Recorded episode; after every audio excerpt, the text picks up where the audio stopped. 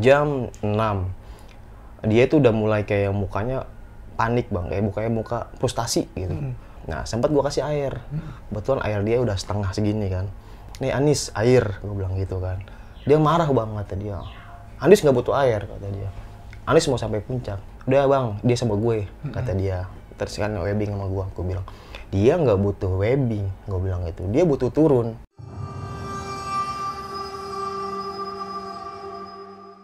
Assalamualaikum teman-teman, balik lagi sama gue Joe. Lagi-lagi gue kedatangan pendaki yang super keren. Bang Badru. halo bang Jo Bang? alhamdulillah sehat bang Jo Sehat ya Bang ya. sehat sehat bang Wih, mungkin eh, banyak dari kalian yang udah kenal nih sama Bang Badru. Cuman bagi yang belum kenal nih, gue kenalin. Lu siapa Bang? gue nggak tahu gue siapa gue musuhnya Iron Man kali Ya, jadi Bang Badru ini bisa dibilang adalah salah satu pendaki yang berpengalaman banget deh dalam hal pegunungan Bang ya. Lu mulai mendaki itu tahun berapa Bang? 2004 bang 2004. 2004 zaman masih sekolah SMA kelas 1 itu Hmm, itu udah banyak banget gunung yang lu daki ya. Eh, baru beberapa sih dua atau tiga waktu itu zaman sekolah Sampai sekarang udah banyak dong. Ya ya gitu deh. Oke, ya tentu dengan banyaknya gunung yang udah didaki sama Bang Badru, banyak juga nih pengalaman mistisnya, ya nggak? Oke ya, jadi sekarang Bang Badru nih mau mem- membagikan pengalamannya sewaktu beliau mendaki ke Gunung Semeru Bang ya? iya Semeru. Semeru, nah itu tahun berapa Bang waktu itu? 2019 Oh, baru berarti baru. Kebetulan waktu itu lagi tugas nganter tamu Jadi Bang Badru ini guide guys di Gunung Semeru. Jadi kalau kalian mau naik Semeru, nih hubungin orangnya nih. oh ya jangan lupa nih, kalian subscribe juga ya ke YouTube-nya Bang Badru. Apa Bang YouTube-nya Bang? Eh, Badru Caps Lock Oh, Caps Badru, Lock. Badru Caps Lock. tadi Nah, deskripsi ya jadi Bang Badru tuh bikin juga YouTube tentang cerita-cerita horor pendakian Bang ya. iya Ya, dan di situ ceritanya serem-serem banget. Kalian harus mampir. Link di deskripsi. Udah, nggak usah lama-lama lagi ya. Mode horor aktif. Iya, jadi Bang Badru, gimana tuh waktu itu ke Semerunya? Waktu itu gua lagi tugas nih Bang Jo, lagi bawa tamu eh, 14 orang gitu. Kebetulan campuran dari Jabodetabek dan Pulau Jawa, sebagian ada dari Sumatera. Nah, singkat cerita, ketemuan di stasiun Malang seperti biasa kita berkenalan, kita briefing gitu kan sesuai itinerary, sesuai jadwal. Nah, tibalah langsung kita di eh, stasiun Malang. Stasiun Malang ada lagi satu orang yang mepok di sana gitu, meeting point di sana. Pagi kita istirahat, eh pagi istirahat, eh, makan-makan di warung dekat stasiun itu. Nah, jam 9 kita lanjut ke base camp Pasar Tumpang gitu. Kita untuk bersih-bersih, mandi-mandi. Jam 10 kita prepare menuju naik jeep ya, menuju Ranupane, Bang. Itu mungkin orang teman-teman yang udah ke Semeru paham lah ya kayak gitu. Nah, sampai Ranupane kita jam setengah dua atau jam 2, gue lupa. Nah sampai situ ya briefing bang sama petugas. Ya, gua akuin sih kalau untuk Gunung Semeru itu rapih bang buat masalah manajemen petugasnya gitu. Jadi kita diedukasi gimana sih tentang safety-nya Gunung Semeru ya kan.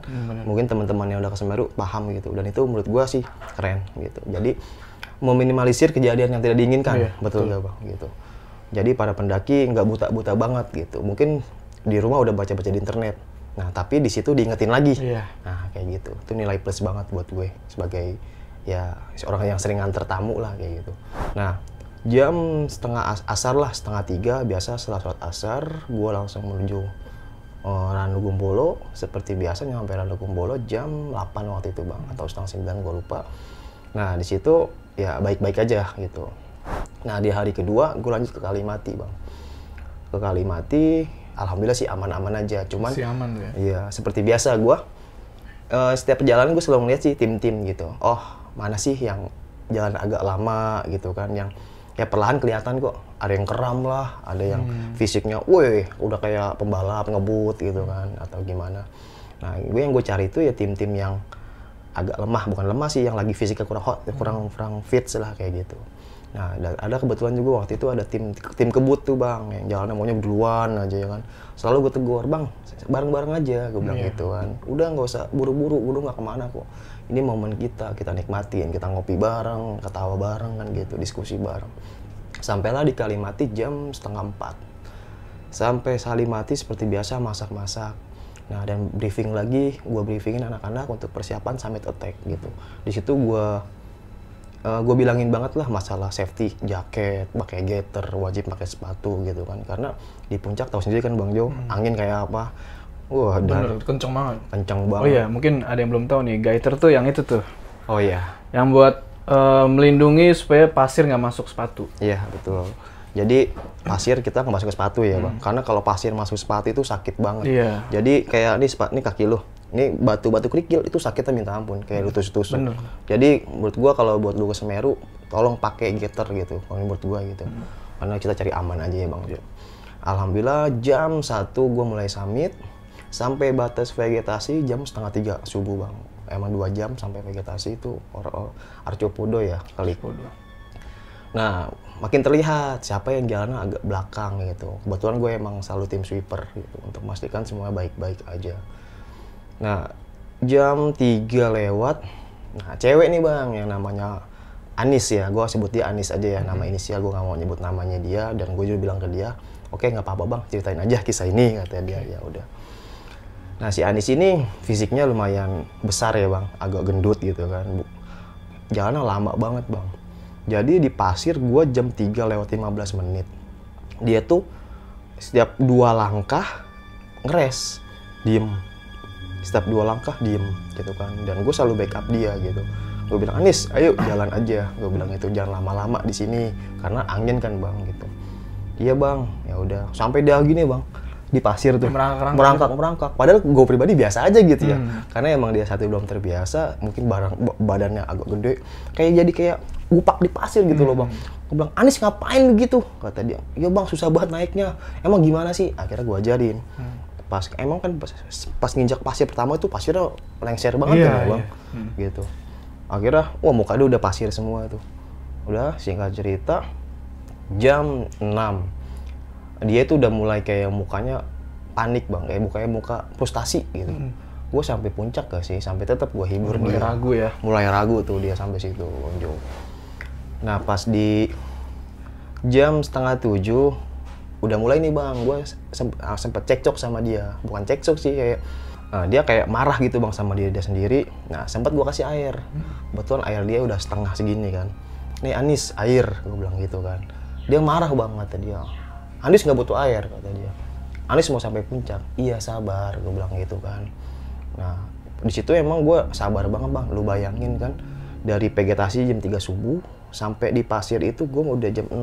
Eh, udah hampir setengah tujuh lah, udah matahari udah mentereng banget gitu kan. Sedangkan di Semeru itu jam 6, jam 6 aja matahari udah panas kan.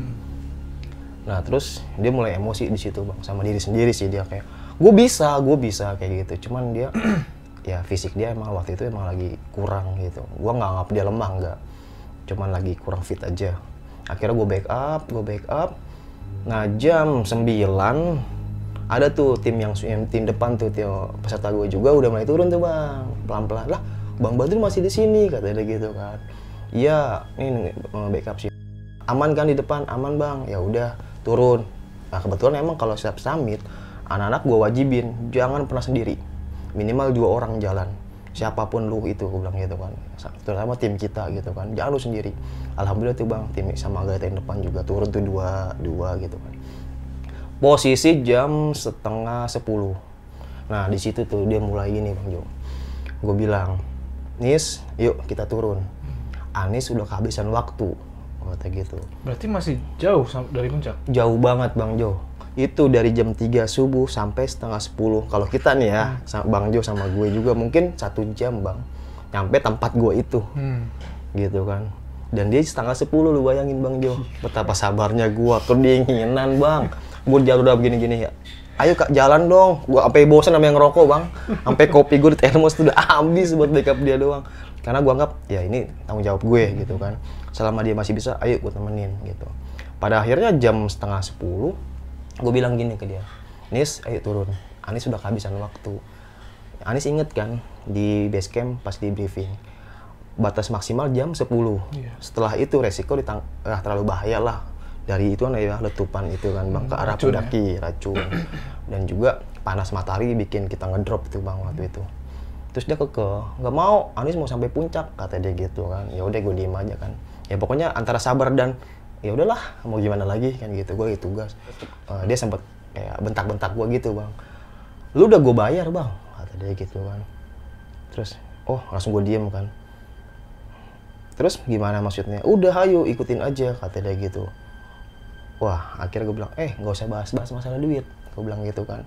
Gue di sini masih tanggung jawab gue bilang. Dan lu gue ajak turun itu tanggung jawab gue dong gitu.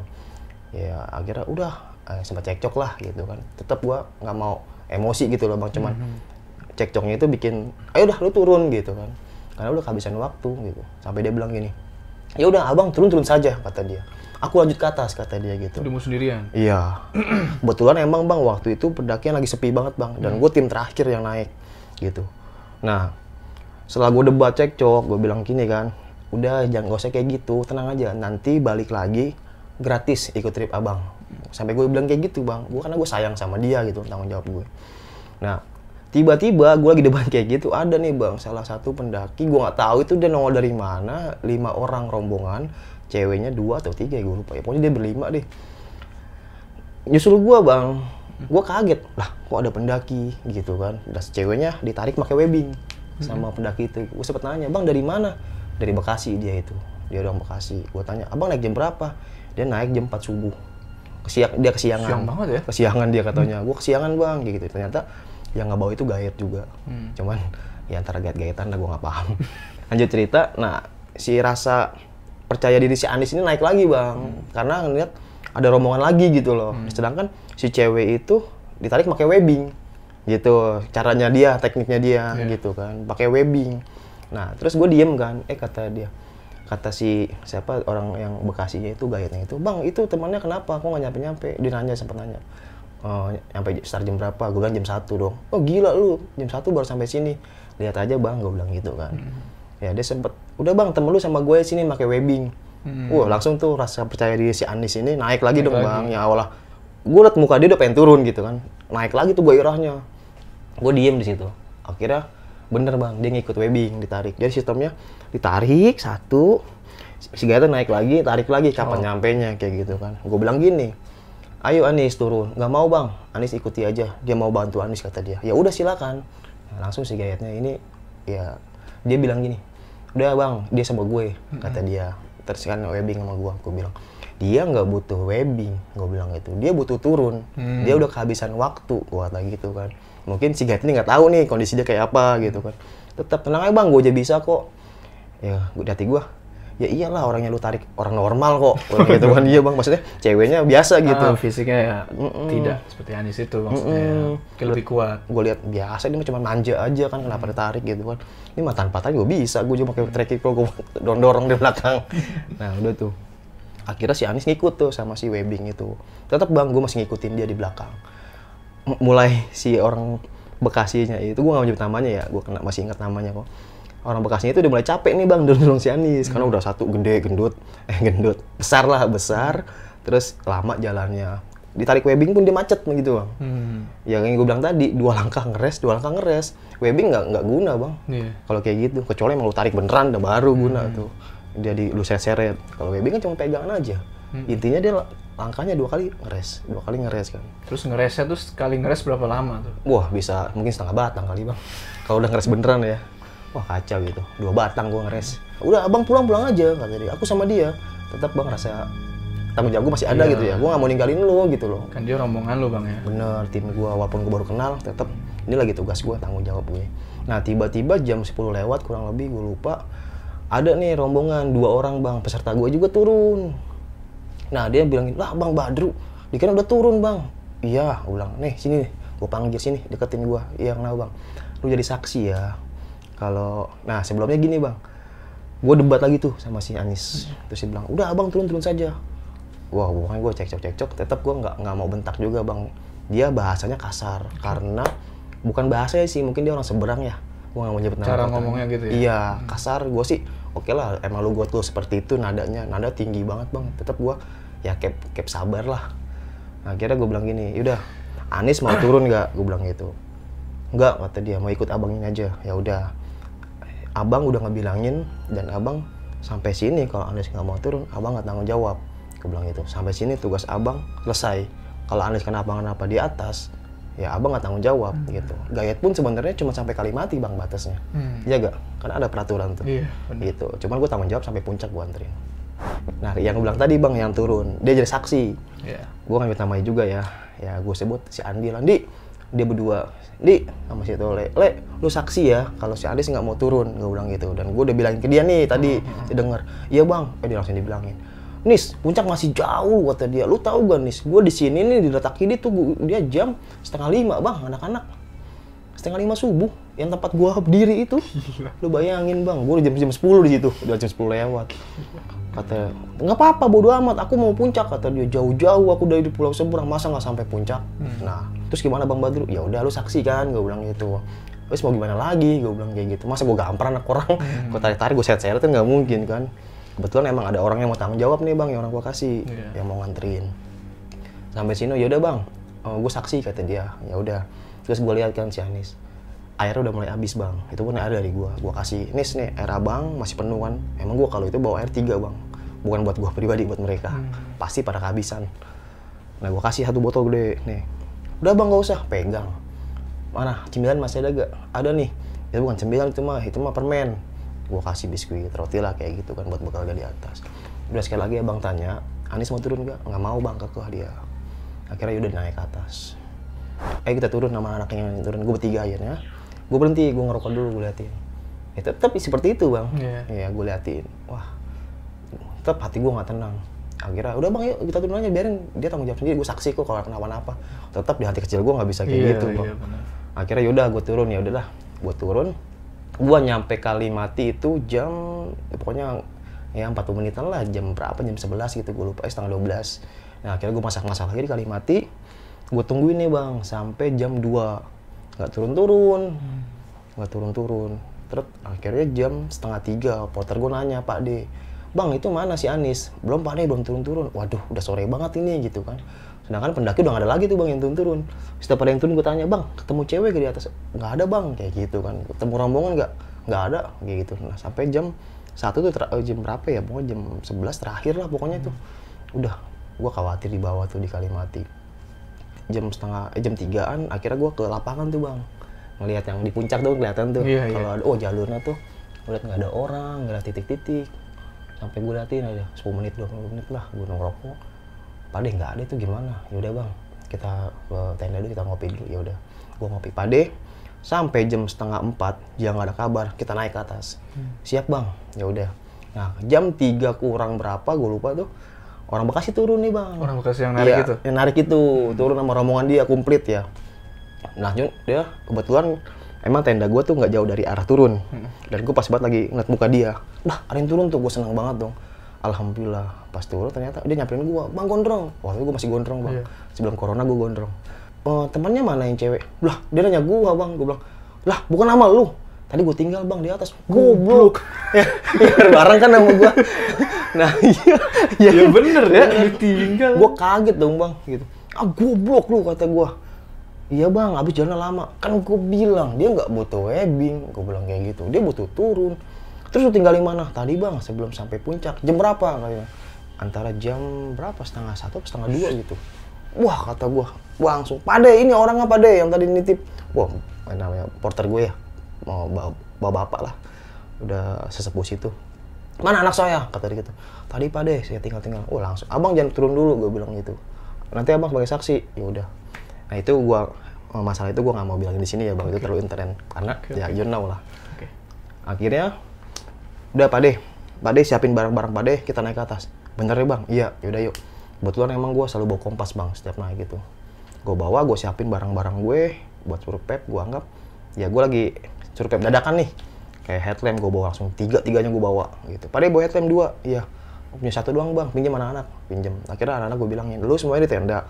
Kalau gue belum turun jangan yang namanya ke ke Kerana Gumbolo di sini aja kayak bermalam lagi makanan tuh logistik ada semua tinggal masak sendiri iya bang akhirnya jam setengah empat gue naik nih bang sama porter gue lu tahu gak bang gue ajak lari sama porter gue yang biasanya dari Kalimati kalau gue bawa tamu nih rombongan sampai Kalimati sampai batas vegetasi itu kan biasanya dua jam kalau gue bawa tamu gue ajak lari setengah jam bang Bos. Sampai? sampai vegetasi. Lu bayangin. Setengah jam gua. Gua wah, wah, ayo Bang lanjut lagi ke rumah malam. Tadi dulu Pade, saya baru turun nih, belum tidur, belum apa ngapain. Pade mah enak di di base camp aja kata dia. Abis gimana Bang keburu gelap? Ya udah gua lari lagi, Bang. Nyampe itu sebelum ini Bang, sebelum Arcopodo kan kayak ada tikungan gitu. Nah, tiba-tiba si Pade ini dia diem. Bang, diem dulu, gue gituin sama Pade kepala gue gini mah cuma gini doang sudah diem orang napas doang pade udah diem dulu tiba-tiba dia merem bang ya namanya mungkin uh, orang situ paham lah hal-hal yang kayak gitu. Ya dia diem merem bang. Manggil namanya Anis. Abang suruh diem juga diem. Ya paling gue cuma napas doang bang. Masih ngap gitu kan. Ayo gue tahan. Nyesel kan. Malah ketawa lagi. Gue domelin sama dia bang. Ya udah pade saya serius. Cuma napas doang juga sih galak banget. Ya udah jauhan. Ya udah dia kayak kayak bukan semedi sih kayak diem baca baca baca doa dia. Baca ayat kursi manggil gini bang Anis kayak gitu pelan Anis Anis oh ayo bang jalan lagi lanjut gitu bang Jo Oke. nah pas Ar Arcopodo sebelum sebelum Arcopodo kan Arcopodo ini kan kayak gua-gua gitu bang Iya. Nah, di situ tuh dia diem lagi. Diam, bang diem. Ya udah. Akhirnya gue tahan napas, gue, gue langsung ngejauh aja deh, takut domelin lagi. Dia pelan lagi. Anis, langsung kencang bang. Anis, gue teriak gitu kan. Nyaut bang dia. Ada di, di apa dah di tebing sebelah sana. Jadi ini posisi jalur utama, dia pundukan, pundukan, pundukan, empat pundukan, empat pundukan itu, gitu. Nyaut. Iya, wah kata Pak ada suara tuh kata dia coba Anis bukan iya Pak tapi kecil suaranya bang iya Pak. Karena jauh kan? jauh gitu tapi nge ngegemak gitu bang Ani Anis iya bang ini Anis Alhamdulillah langsung tiba-tiba porter gue turun bang ke jurang. Bilang Pak Ade mau ke mana? Mau nyamperin Anis? Sini dulu gue bilang gitu. Ngapain nyamperin dulu? Sini dulu. Kita lihat nih kompasnya. Jam yang turun-turun kita nggak bisa pulang ya kan? Akhirnya gue buka kompas tuh bang. Gue gue tandain lah nih arah gue ke mana nih? Ke mana-kemana? Terus buat gue balik nanti tuh. Kebetulan nanti ada rekamannya video asli pas evakuasi nanti gue kasih ke lu. Akhirnya Pak D nih Pak D oke? Nih gue ikat tuh di pohon nih koordinat kita arah balik kita turun. Siapa Pak D depan ya buka jalur saya di belakang mantau. Jadi ketika si Pak D buka jalur itu ketika dia ada jurang atau gimana kelihatan di atas tuh bang. Pak D kiri itu jangan itu itu jurang gitu kan. Itu mentok gitu. Akhirnya gue koordinir dia. Dia turun gue di atas dia mau naik gue turun kayak gitu bang. Jaga jarak jauh.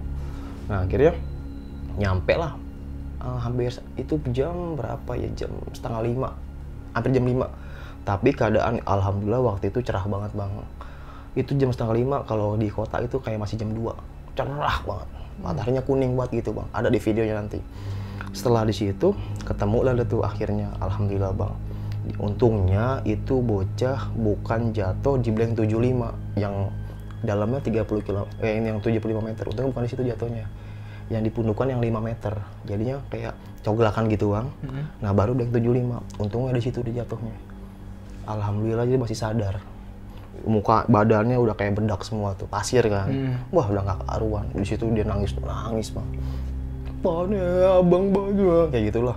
Gue diam dikira abang marah sama Anis kayak gini gini, gini. eh udah Anis nggak usah gitu. Kalau abang marah abang nggak mungkin di sini dong. Nyampein Anis. Maafin Anis udah marah-marah ke Bang Badru. Ya mau nangis nangis Anis udah hampir mati. Ya udah udah santai santai aja gue bilang. Santai aja udah ayo ayo. Anis gimana kakinya? Alhamdulillah nggak kenapa-napa bang maksudnya jatuhnya itu nggak seleo nggak patah. Cuman agak lemah aja nanti di videonya ada. Oke Pak De kita evakuasi. Saya jalan duluan Pak De Pak De nuntun dia ya. Iya. Pakai sarung tuh sama Pak De tarik tarik jam setengah enam ketemulah titik koordinat lagi itu bang. Itu masih cerah banget bang. Alhamdulillah entah anugerah entah apa gitu ya bang. Nah di saat gue buka jalur tiba-tiba Pak De gue gini "Eh, Anis diem dulu deh Wah, diselawatin sama Pak De gue, si Anis. Oh, Allahumma sholli ala Sayyidina Muhammad kayak gitu. Ikutin bang, ikutin ya Anis, diikutin. Terus dibaca-bacain oh, ayat-ayat gitu, ngikutin. Dia ngikutin bang, misalnya. oh, Alhamdulillahi Rabbil Alamin. Ngikutin, Alhamdulillah. Gue ketawa di pojokan bang, sambil ngerokok. Gue ketawa. Pak De gue, abang kenapa ketawa? Dia juga ketawa kan. Enggak nggak Pak orang lagi ini juga lagi serius. Iya Pak De, gue ketawa di ujung di ujung. Ya Allah. Terus kata gue, Pak deh, sini aja, sini bentar sini. Sini dulu. Tadi dulu bang, nih lagi lagi lagi genting nih kata dia. Sini dulu. Kenapa sih? si Anis kan non muslim kenapa nggak disahadatin sekalian dia ketawa ngakak abang kenapa nggak bilang kalau dia non muslim tapi dia ngikutin bang dia panik kali ya mungkin ya gue kasih ketawa pantas lu ketawa aja bang kata dia gitu lagi sih pade ya udah udah udah terus terus terus ya udah terus terus lanjutin gue ngerokoknya di ujung jam setengah enam gue turun tuh bang ke Kalimati. Itu dia jalan agak pincang sih. Nah gue bilang sebelum sampai Kalimati tenda gue bilang nanti di bawah netizen banyak. Dan para petugas dan siapa pun itu bahkan orang yang baru datang pun bakal ngebully Anis.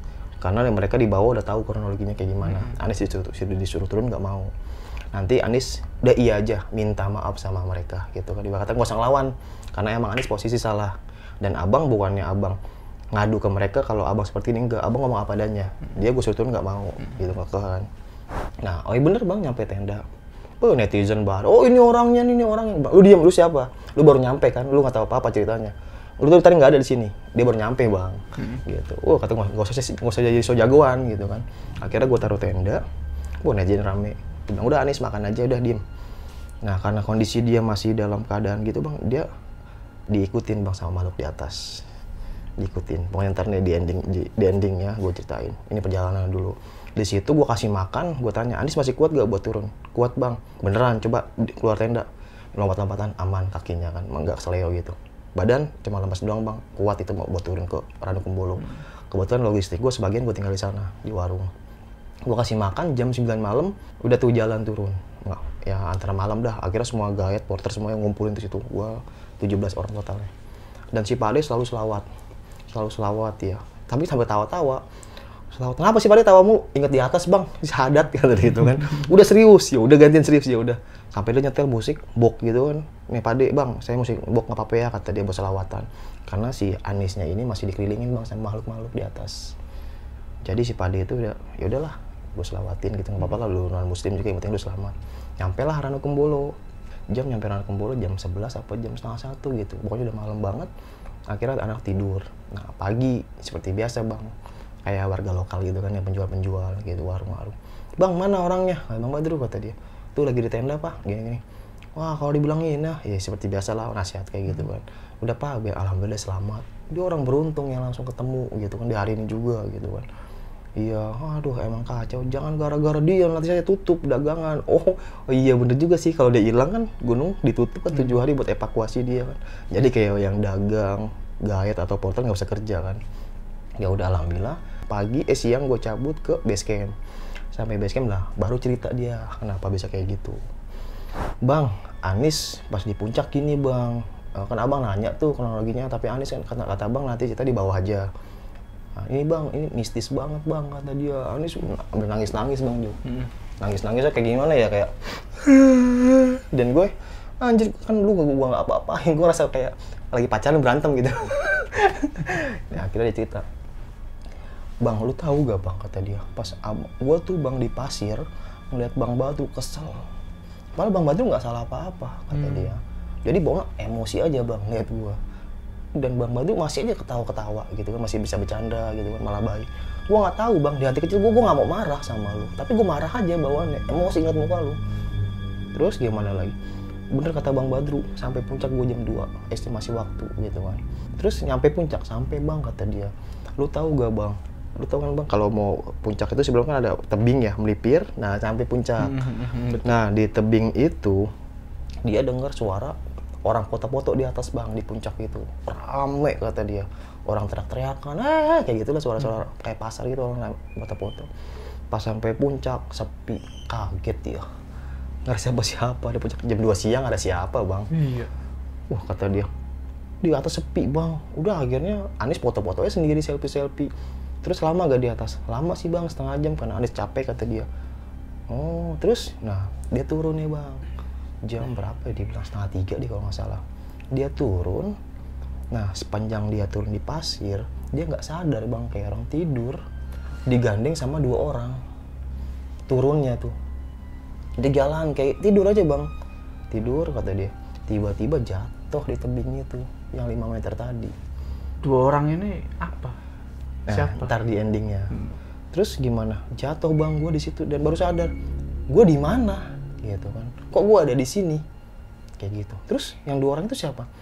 Itu bang kayak sosok lah gue gak mau nyebutin bentuknya. Pokoknya sosok kedua itu ngegandeng kayak ngajak kita. Kayak, kayak lagi eh, ayolah jalan. Tapi gue tidur gitu kata dia. Gue nggak sadar bang. Tiba-tiba gue udah di situ. Dan inget lu doang nama lu yang gue inget bang kata dia. Sampai gue nangis nangis karena lu dia dia ingetnya gue gue dibentak-bentak sama dia. Gitu kan. Terus pas Anis jatuh udah nggak ada lagi orang itu kata dia serius bang ngapain sih Anis bohong kata dia gitu nah kan dia turun nih bang ya dia kan masih naik nah yang orang Bekasi ini nih yang orang Bekasi kan turun bang lu tahu Semeru kan treknya nggak jauh kan Iya. Nah, orang Bekasi turun, dia kan posisi masih di atas kalau emang ditinggal ya. Kok kenapa nggak ketemu, Bang? Nah, itu dia. Nah, si orang Bekasi, dia selalu ngeliat ke kanan saat dia turun. Ngeliat si Anis ini nyari. Si Anis selalu, kata dia, gue selalu ngeliat ke sana, Bang. Ngeliat si orang Bekasi yang turun. Nggak nemu, Bang. Secara logika kan cuma gini, jalur ini doang. Iya. Nah, terus kata ya ada kata warga kita matanya ditutupin, nggak di, nggak dikasih lihat, gitu sama ya ditutupin lah sama makhluk itu kan. Nah, terus sempat dibahas tuh masalah makhluk itu. Ya jadi ya itu penghuni yang di atas sudah suka sama si Anis gitu dan Suka. suka dan pengen mungkin ya si Anis jadi penghuni situ. Alhamdulillahnya dia jatuh di yang 5 meter ya bang, bukan di yang wah dalam banget itu kan. Ya kan kebetulan yang pas kejadian itu ya ada orang bule meninggal kalau nggak salah yang di sama gaet ketiban batu tuh, tahun sebelumnya kayak gitu. Jadi kata porter alhamdulillah itu orang pertama eh yang hilang di hari itu di situ langsung ketemu kayak gitu kan. Itu kejadian buat dia pengalaman pengalaman banget kata dia dan gue bilang gini ke dia. Alhamdulillah Anies masih dikasih kesempatan kedua. Gue bilang gitu. Anies ingat kan kata-kata ini. Puncak bukan segalanya, pulang ke rumah adalah tujuan utamanya. Bener gak? Dan Anies di sini dapat praktek lagi, bukan materi lagi dan ini pelajaran berharga nangis bang kejar dia langsung makasih bang makasih kayak gini oh, dia bilang berutang nyawa lah sama gue gue bilang nggak usah berutang tangan gue bilang ini pahala buat gue juga kok gue bilang gitu. tapi abang punya syarat punya permintaan tolong di, dikabulin apa bang? Abang mau bakso sekarang. Turun di bawah turun dia langsung bang. Udah simpel kan? Ya udah lu nggak usah berutang nggak usah berutang budi sama gue. Udah selesai kan udah dibayar tuh pakai bakso. Ya udah alhamdulillah tuh. Jadi gini bang pernah kejadian juga nih. Ini 2018 ini langsung eh, masih masuk ke ke Anis juga ya kisah si Anis ini kenapa dia bisa dibawa ke Blank 75 sama makhluk itu. Jadi 2017 sama 2018 gue sempat bawa tamu juga kejadian juga nih bang hal yang sama diganggu sama makhluk yang di puncak tapi kesurupan gitu. Nah 2017 Itu di atas jam 10 juga. Iya, gue sampai puncak jam setengah 12 karena emang dia maksa oke fisik dia oke gitu kan karena emang cuaca waktu itu. Sampai di atas jam setengah 12 ketika turun nyampe Kalimati baru naruh pantat kesurupan tuh cewek. Kesurupan. Dan makhluknya itu bilang ya kamu ganggu saya di atas. Saya sedang berkumpul di atas itu kata dia. Saya sedang berkumpul. saya sedang berkumpul ya kan kita nggak tahu ya kan bang dia kayak gimana gimananya. Dia ngomong bahasa Jawa kayak gitu sih tapi yang yang translatein teman gue yang ngerti Jawa. Dia bilang teman gue saya kan saya nggak tahu kayak gini gini gini gini. Ya dia- pokoknya di atas itu sedang berkumpul makhluk makhluk itu nah kejadian yang kedua yang di 2018 itu di bulan April sama kejadian sama. Yang kesurupan cowok.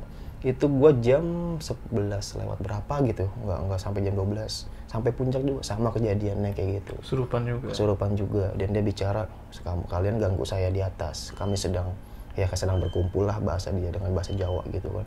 Ya dan si Anis ini di 2019 ya itu mungkin diganggunya lebih ekstrim ya jatuhnya kayak gitu kan. Dibawa ke Blank 75 ya mungkin alhamdulillah dikasih kesempatan kedua bang.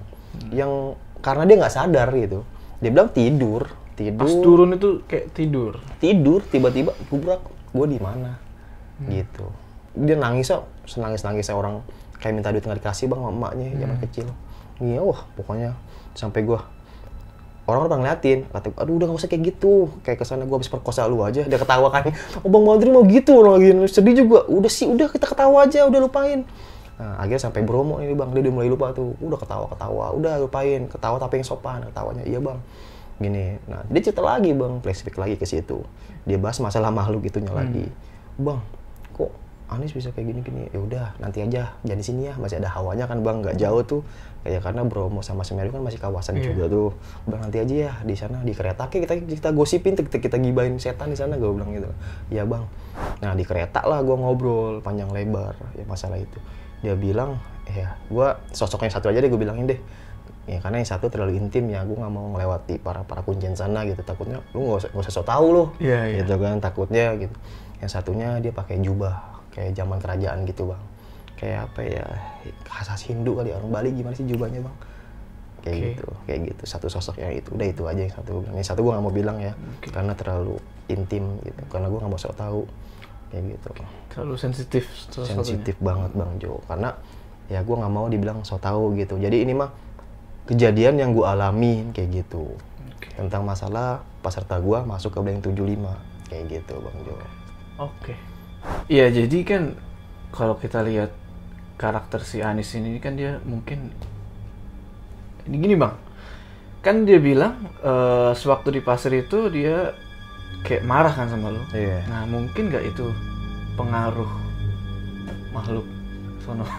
kalau kata dia hatinya nggak marah tapi mulut dan pikirannya marah gitu. Dan kata salah satu warga juga di situ yang paham tentang hal itu termasuk porter gue juga dia udah dibawa sama makhluk itu. Jadi bukan dimasukin ya udah ditempel. Ditempel, Ditempel. dari pas naik itu. kan? naik itu gitu. Makanya dia marah-marah terus. marah terus sampai dia turun pun udah gue bawa mungkin kayak gitu. Dibawa sama dua makhluk itu. Yang gue sampai sekarang itu bang ada yang gue evaluasi evaluasi buat gue juga sih. Kenapa dia naik dia turun yang Bekasi kok nggak ketemu? Itu apa sampai gue pikir apa si Anis lagi duduk dia nggak ngeliat gitu kan. Tapi kan ya lah kelihatan banget bang. Kayak gitu kan. Ya, Gitu kata lu tadi bang ditutup kan? Iya, gitu. Dan ya buat buat orang Bekasinya gue sih gue berharapnya next jangan kayak gitu lagi, kayak gitu kan. Mungkin kalau emang lu dikasih tanggung jawab ya udah kayak gitu. Jadi lu kalau emang mau bantu gitu ya, kalau mau bantu seseorang lu lihat dulu gimana sih kronologinya seperti apa gitu. Jadi eh, awalnya mungkin si Anies sudah mau turun, tapi karena kehadiran dia dia jadi semangat lagi. Bagus sih, cuman endingnya kan nggak bagus bang ditinggal. Mungkin kalau gua orang yang nggak sabar atau gimana gue tuntut itu orang bang. Karena udah mencelakakan nyawa seseorang ya kan cuman waktu itu gue tetap ya bisa senyum lah sama dia. Awal dimarahnya marah di awal aja gitu. Gue anggap yaudah keteledoran gue dan dia juga lah gue anggap kayak gitu. Gitu. Jadi eh, puncak bukan segalanya pulang ke rumah dengan selamat. Tujuan utama itu bener-bener kata-kata yang ya harus bener-bener dipakai sih. Mungkin gunung nggak ke mana-mana gitu. Lu pikir gini ya bang Jo. Gue udah jauh-jauh ngabisin duit udah ngabisin cuti masa gue nggak sampai puncak banyak kan kata-kata kayak gitu Iya, bang. bener Gitu. sih. lu naik gunung buat apa sih? Buat refreshing. Hmm. bener gak bang? Orang yang gila gunung orang yang gila target gunung sebenarnya buat apa? Dia butuh refreshing kayak gitu. Kalau puncak ya buat menurut gue pribadi ya. Ya emang bonus kayak gitu. Dan juga persiapan fisik ya bang Jo. Hmm, gitu. jadi lu harus tahu nih gunung karakter gunung apa sih yang lu mau daki yang mau lu tuju contohnya Semeru. Oh Semeru oke empat hari tiga hari sampai empat hari kan. Ya lu persiapin fisik kayak gitu kan. Dan apalagi perlengkapan juga kayak gitu. Ya selamatnya lu ya dari diri lu sendiri Hmm, betul. sisanya dan teman-teman lu. Nah kayak gitu. Dan juga masalah kebersamaan timnya kayak gitu bang Jo. Nih gua ngewakilin para para gayet ya bang. Oke. atau pemandu gunung Eh, kalian sama gayet jangan terlalu banyak nuntut gitu. Karena gayet pun sama sih kayak kalian pendaki juga dan manusia juga punya rasa lelah dan capek ya bang? Betul, betul. dan mungkin kalau gayet yang profesional atau yang udah pengalaman dia udah banyak banyak sabar lah kayak gitu. Cuman manusia kan sabar ada waktu ada batasnya gitu. Jadi ya memperlakukanlah gayet seperti teman sendiri atau saudara sendiri kayak gitu. Selama gayet itu masih baik-baik aja oke kita baik-baik aja. Kalau emang gayet keterlaluan tegur aja. Kayak gitu. Karena gayet pun manusia. Eh, dan juga untuk masalah keselamatan gitu ya. Jadi tolong bener-bener di diterapin gitu ya. Karena lu nggak keren kalau lu mati di gunung. Hmm. berarti lu gagal jadi pendaki. Bener gak bener. Walaupun kita nggak tahu nyawa kita di mana ditarik apa meninggal di mana. Tapi menurut gua sih ya lu nggak keren kalau lu mati di gunung. Gitu. Karena lebih bagus batu nisan lu ada di belakang masjid atau di pemakaman umum. Hmm. Bener gak bang? sih Gitu. Jadi untuk masalah SOP, safety-nya yang ada di badan nih, tolong diutamain dulu gitu. Dan juga cara pengobatannya, cara lu menaklukkan diri lu sendiri kayak gimana sih, cara jalannya tuh bang. Kayak gitu di gunung tuh seperti apa sih ngatur nafasnya. Tolong jangan diremehin juga hal kayak gitu. Kadang emang sih diremehin tapi nanti dampaknya pas di lapangan. betul Kalau nggak keram ya lu ngap. Hmm. Dan ujung-ujungnya apa? Tolong tungguin gua dong. nah itu Maaf kan ya bang, gua nggak olahraga kemarin. itu kan membebani teman-teman yang lain kan Betul gitu. Walaupun kita nggak tahu fisik kita seperti apa di atas, tapi usahain lu persiapin dulu kayak gitu sih. kalau gua berpikiran gini bang Apa tuh? kalau gua naik gunung gini puncak itu target kalau gua bang Iya. tapi kita harus pakai otak juga maksud gua gini Nah, itu betul.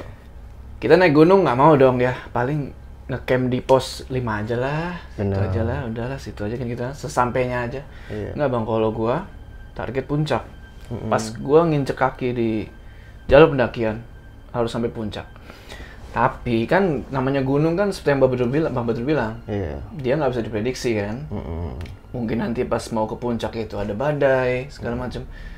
Nah itu perlu dikondisikan. Nah, Kalau emang tidak memungkinkan sampai ke puncak, ya mau gimana? Nah, itu, Itu. maksudnya. Dan juga kita harus lihat juga teman-teman kita kan. Benar. Mungkin kita kuat, Kalau- tapi teman-teman kita Ya, itu. itu. dia. Kecuali kita solo hiking ya itu Benar. beda gitu resiko, Resiko tanggung sendiri.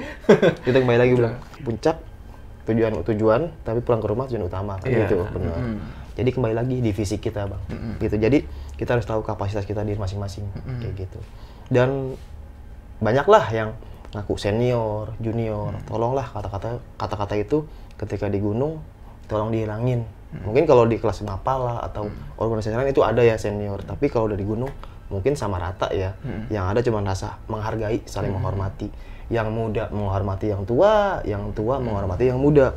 Yang ngerasa senior nih bang tolong edukasi teman-teman yang junior gitu. Dan yang junior gak usah malu-malu minta ilmu sama yang senior nah, itu sih kalau gue lebih rentan kayak gitu lebih asik kayak gitu. Ketimbang gue senior yaudah lu junior gue ambilin gue kopi kan bayang kayak gitu kan ya. Lu nggak bisa lu nyuruh gue gitu. Gue nggak suka yang kata-kata itu. Kecuali kalau emang lu di organisasi itu emang ada tuh wajib gitu gitu. Tapi kalau ketika lu di alam ya sama rata gitu. Naik gunung itu asik cuy. Iya asik. Jadi naik gunung tuh nggak selamanya ketemu demit bang. ya? Demit ya. Tapi emang bener eh, gunung emang tempatnya. Iya kan Bang Jo. Makanya cerita horor kayak Bang Jo ya itu keren banget. Digibahin terus. Jadi kalau gua naik gunung mungkin gua digibahin balik bang. ya iya. Nah dia nih orang nih sekitar gua nih. ya semoga aja ya Bang Jo ya pandemi ini cepat berakhir ya. Iya. Dan semua manusia kembali normal lah, aktivitas seperti Amin, biasa. Dan gue juga suka eh, dunia wisata atau dunia industri pariwisata kan udah lumpuh nih bang, udah hampir setahun ya. Ya semoga ya cepat kembali normal lah. Iya amin. Karena banyak para pelaku-pelaku kayak warung-warung atau apalah seperti itu yang hampir gulung tikar kayak gitu. Ya semoga di tahun ini cepat berakhir. Amin. Capek rebahan mulu sampai Iya. gue potong rambut. Rebahan aja capek. Naik gunung nggak capek bang? ya? Nggak capek. Rebahan capek. Capek. Habis rebahan pas bangun, aduh. Angsuran masih ada bulan besok. Capek mikirin. Oke bang Madru. Oke, Bang Jo. Makasih banyak nih ceritanya, edukasinya nih. Wah, Ya, sama-sama, Bang. semoga bisa mampir lagi ke sini bang kita Amin. cerita-cerita lagi. Oke. Oke, siap. Ya, jangan lupa kalian like video ini dan bagi yang belum subscribe, ayo subscribe sekarang ke channel ini supaya kalian gak ketinggalan kalau gua nanti collab lagi sama pendaki-pendaki keren lainnya. Gua Jo ditemani sama Bang Badru. Sampai ketemu di cerita selanjutnya.